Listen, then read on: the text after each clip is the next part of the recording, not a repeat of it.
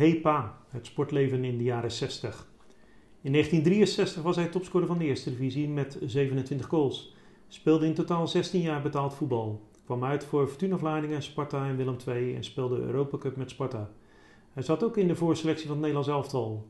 En versloeg met Fortuna Vlaardingen Feyenoord in de Kuip met 3-2 in de kwartfinale van de KNVB-beker. En bovendien scoorde hij ook nog in deze wedstrijd twee keer. Was man of the match in een gewonnen wedstrijd met Sparta tegen Ajax. En in dat Ajax speelde toen gewoon Johan Cruijff mee. Werd in 67 derde met Sparta in de Eredivisie. Maar hij is bovenal mijn vader. Jan Bouwman. Hey pa. Hallo.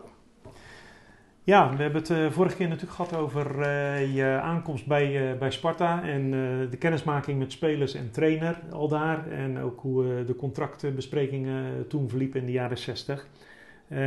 Op de brommer naar, het, naar het kasteel toe om daar de gesprekken te voeren. Toen nog zonder makelaar of wat dan ook. Um, eenmaal op het trainingsveld gekomen, ja, dan moet er op een gegeven moment ook geoefend gaan worden. Um, ik heb eens nagekeken, maar jullie hebben een aantal hele leuke wedstrijden gespeeld. Om even een aantal namen te noemen waar jullie tegen gespeeld hebben. Dat was Sunderland, Sheffield United, Middlesbrough, FC Antwerp. Een aantal keren in Roemenië geweest. of een aantal keren, jullie zijn één keer geweest, maar je hebt een aantal wedstrijden al daar gespeeld. Je hebt tegen Duitse clubs geoefend. En daarnaast natuurlijk een eh, zestal wedstrijden, zestal tegenstanders gehad in de diverse Intertoto uh, wedstrijden.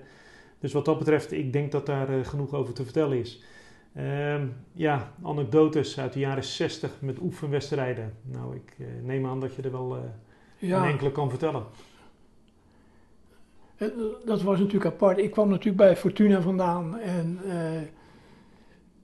ja, dat, dat, ik wist niet wat me overkwam toen ik dus bij Sparta kwam. En wat, wat ik speelden we goede wedstrijden, vriendschappelijk tegen goede tegenstanders. En onder andere dus, we gingen naar Roemenië, we gingen naar Zweden, we gingen naar Denemarken, we gingen naar Engeland. We hebben in Engeland een aantal wedstrijden gespeeld, ook vriendschappelijke wedstrijden, maar hele goede wedstrijden.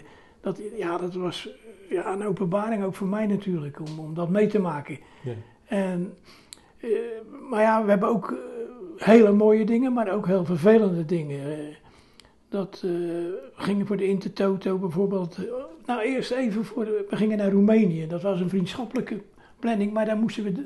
Om, dat te verdienen, voor de, moesten we drie wedstrijden spelen. Om, daar te komen en weer terug te gaan. En te, en te komen en te gaan, en dan ga je met een tweedekker, zo'n vliegtuig, wat, wat zo'n marine voor de lucht, was.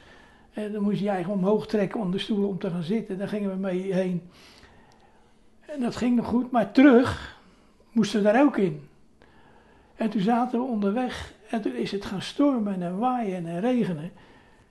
En toen zijn we, moesten we landen in Parijs. En ik, ja, ik, was, ik zat naast Willy van Beveren, die ging, was toen ook nog bij ons. En we zaten, hadden elkaar hand vast. En ja, je wilt het geloven of niet, maar ik zeg, ik ga niet verder mee hoor. Ik zeg, uh, ik, ik, ga, kijk wel wat ik doe, of ik ga met de trein verder. Nou ja, dat, dat is het niet gebeurd, maar je kan je voorstellen, dat, dat is een, ik, ik heb daarna altijd angst voor vliegen gehad. Ja. Dus me nooit, het is me nooit echt bevallen om, om in het vliegtuig te stappen. Die angst die was toen zo, we maakten klappen, dat, nou ja, dat, dat was verschrikkelijk. Dus uh, nee, dat was nou niet zo gezellig.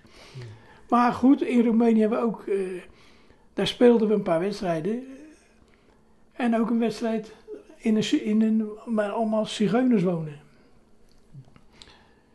En het was goed weer, was, maar we gaan, we gaan beginnen. En Theo Lazoms en Hans Eikenbroek, dat waren jongens achterin. Of je nou vriendschappelijk speelde. Of op de training, als je twee keer poorten, dan moest je op de training moest je niet meer opzoeken. Want dan ging je over de lijn. Dus dat, dat, zo was zijn instelling. En wat gebeurt? We gaan spelen en het begint te regenen. Verschrikkelijk te regenen. En in het wit waren we. En hij gaat de lucht in soms met een, een voorzet. En twee koppen tegen elkaar. Hoofdwond.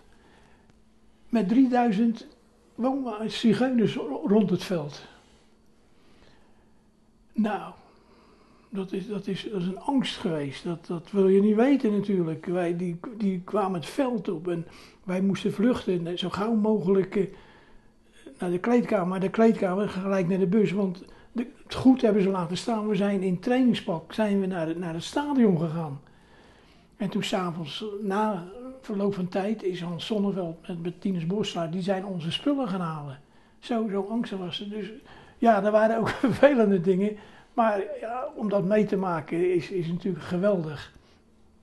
Dat, dat waren de, ja, dat zijn, daar droomde ik bij Fortuna natuurlijk niet van. Dat, dat was voor mij, eh, ik moet ook natuurlijk even om, om, om van Fortuna terug te komen, wel ook een schitterende tijd meegemaakt. Hè. Dat, dat, dat, voor, voor ik naar Sparta ging, speelden we ook wel wedstrijden van 10.000 mensen in Vlaardingen. Ja, mooie tijd. Dat was mooie tijd. En- Absoluut. Ja. hè, Ja. ja, dat is niet, niet meer voor te stellen in Nee. Vlaardingen. Dat, Nee. dat, eh, En als je dan kijkt naar eh, het voetbal Walhalla van die tijd, was denk ik toch ook wel Engeland. Ja. Eh, dan gaan jullie naar Sunderland toe. Eh, een stadion wat ook gebruikt is tijdens het WK van 1966. Eh, je speelt bij Middlesbrough in een stadion wat ook gebruikt is tijdens het. WK in 1966. Ja. Ja, zo'n Sunderland, dat lijkt me toch wel een hele aparte ervaring. Kijk, dat, er waren natuurlijk nogmaals waren jongens die, die al met het Nederlands elftal wel wat buiten kwamen natuurlijk van Sparta. Die dan, maar voor mij was het allemaal nieuw. En eh, ik was Arie de Hertog, was toenmalige keeper van Excelsior Rotterdam. Was al op leeftijd, die ging stoppen bij Excelsior. En die, eh, wat er gebeurt, Thompson, die moet een reservekeeper hebben. Maar eentje die al ervaring had. En ze komen bij hem terecht. Arie de Hertog gaat, wordt, wordt keeper, eh, reservekeeper bij Sparta. Maar ja, het vervelende voor hem was, want- hij ging echt als reserve. En hij zegt, Jan, ik kom elke keer zitten kijken naar Sparta. Hij zegt, ik zit op het lijntje, ik zie alles voor me gebeuren. Wat wil ik nou nog meer? Ik verdien er nog mijn geld mee. En, maar wat gebeurt? De allereerste wedstrijd, wedstrijd spelen we tegen DWS in Amsterdam. En Theo Laas schop bij Pim Doesburg. Een ellepijp. In de slijdings een ellepijp gebroken. Jullie eigen keeper. Moest Arie zes weken in de goal staan. Nou ja, dat had hij nooit verwacht meer. Maar ja, het ging goed gelukkig achteraf. Maar dan zaten we in het vliegtuig en die kwam bij Excelsior vandaan. Dat was ook geen topclub van we gaan... eh, en zei hij, nou Jan, dan gaan we maar weer. en in die tijd gingen we heel vaak, maakten we reizen naar Engeland. Een paar keer. eh, ja, nogmaals naar Zweden. ja, gingen, gingen overal heen. Joh. Dat, Ja. dat was wel mooi. Ja. De wedstrijd tegen Sunderland was, eh, Nou, een dat fantastische wedstrijd, begreep ik. Ja, wij, wij spelen. Sunderland was toen, was toen, was toen echt ook nog top. Hè? Dat, dat, dat. En daar speelde Jim Baxter.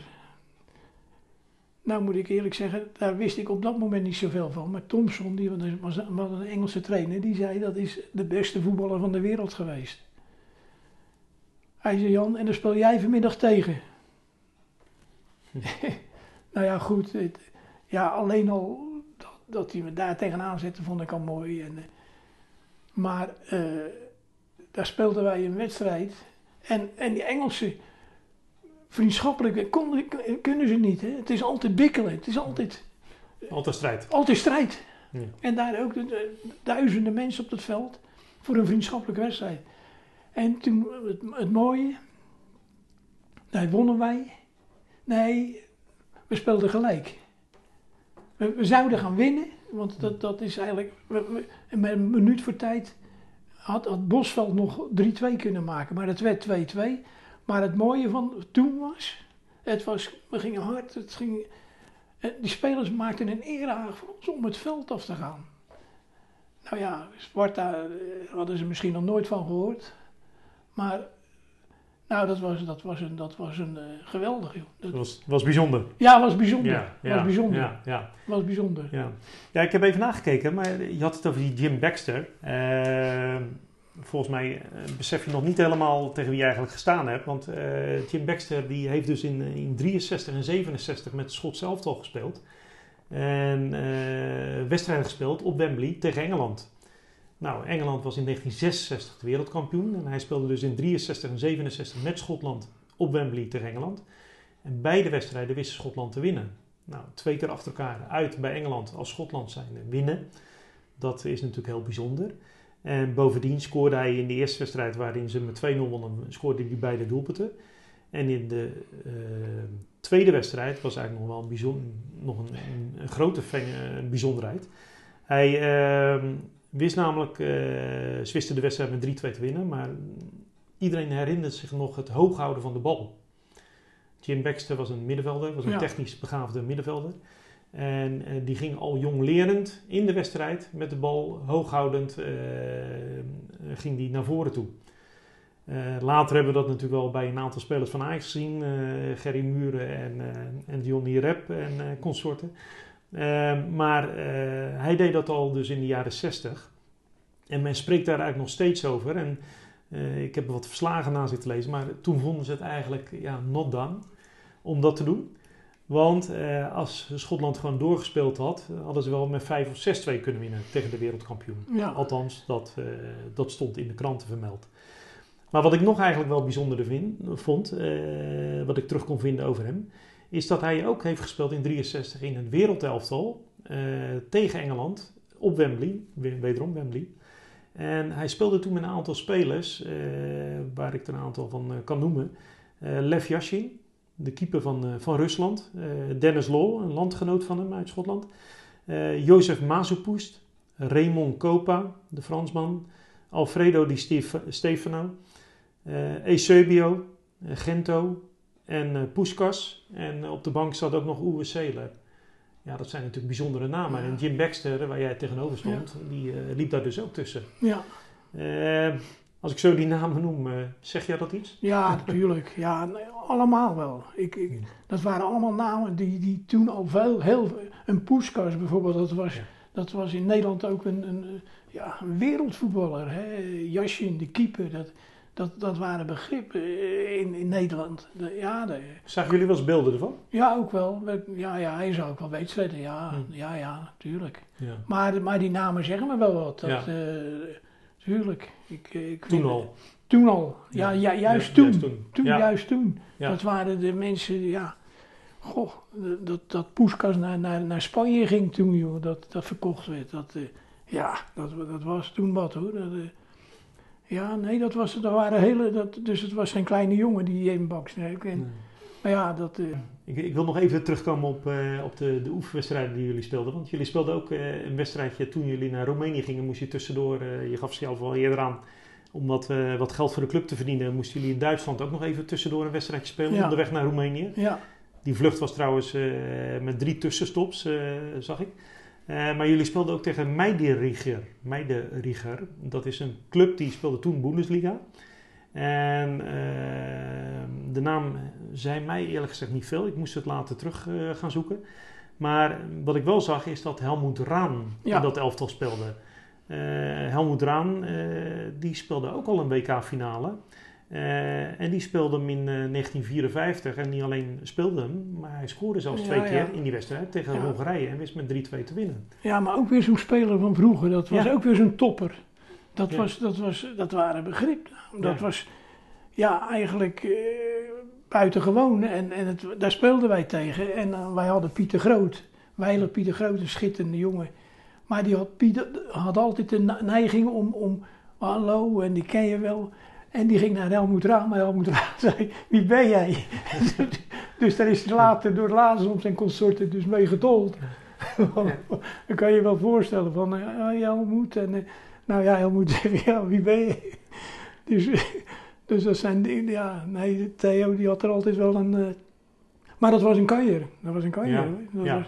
en daar mochten jullie tegen spelen. Um, zo ging uh, de laatste wedstrijd die we nog even willen bespreken is, uh, is de wedstrijd in Zweden. Ja. voor de Intertoto speelden jullie. En ehm, daar ontmoeten jullie Agne Simonsson. Ja. Uh, een spits van het Zweedse elftal. Uh, schijnt een van de beste spelers ooit geweest te zijn voor Zweden. Ja. En uh, scoorde ook in de WK-finale van 58 tegen Brazilië. Met Pele daarbij al toen, als 17-jarige. Maar Agnes Simonsson scoorde zelfs in die wedstrijd. Ze verloor uiteindelijk wel met 5-2. Ehm, maar ja, ook weer zo'n naam waarvan ik zeg van... Ja, ja dat is was toch wel bijzonder dat je dan ook tegen dat soort gasten voetballen. Was, was, dat was die, die naam die legt me, omdat hij, hij scoorde en waren gewaarschuwd, maar ik vond het een geweldige, een, een, een mooie voetballer ook. Het was, eh, ja, ik, eh, het was nu niet zo als, als die namen van misschien van, van wereldsterren, maar ik vond, hem, ik vond het een geweldige spits. Hm. Ja, de, de hele gro- grote kracht voor Zweden was dat eh, in die tijd. Prima. Ik, eh, pa, bedankt weer. En eh, wij komen eh, de volgende keer terug met een, onze derde aflevering van eh, HEPA. Eh, het sportleven in de jaren 60. En we zullen dan eh, terugblikken op eh, de bekerfinale van Sparta en ook op het eh, Europese avontuur wat eh, daarop volgde.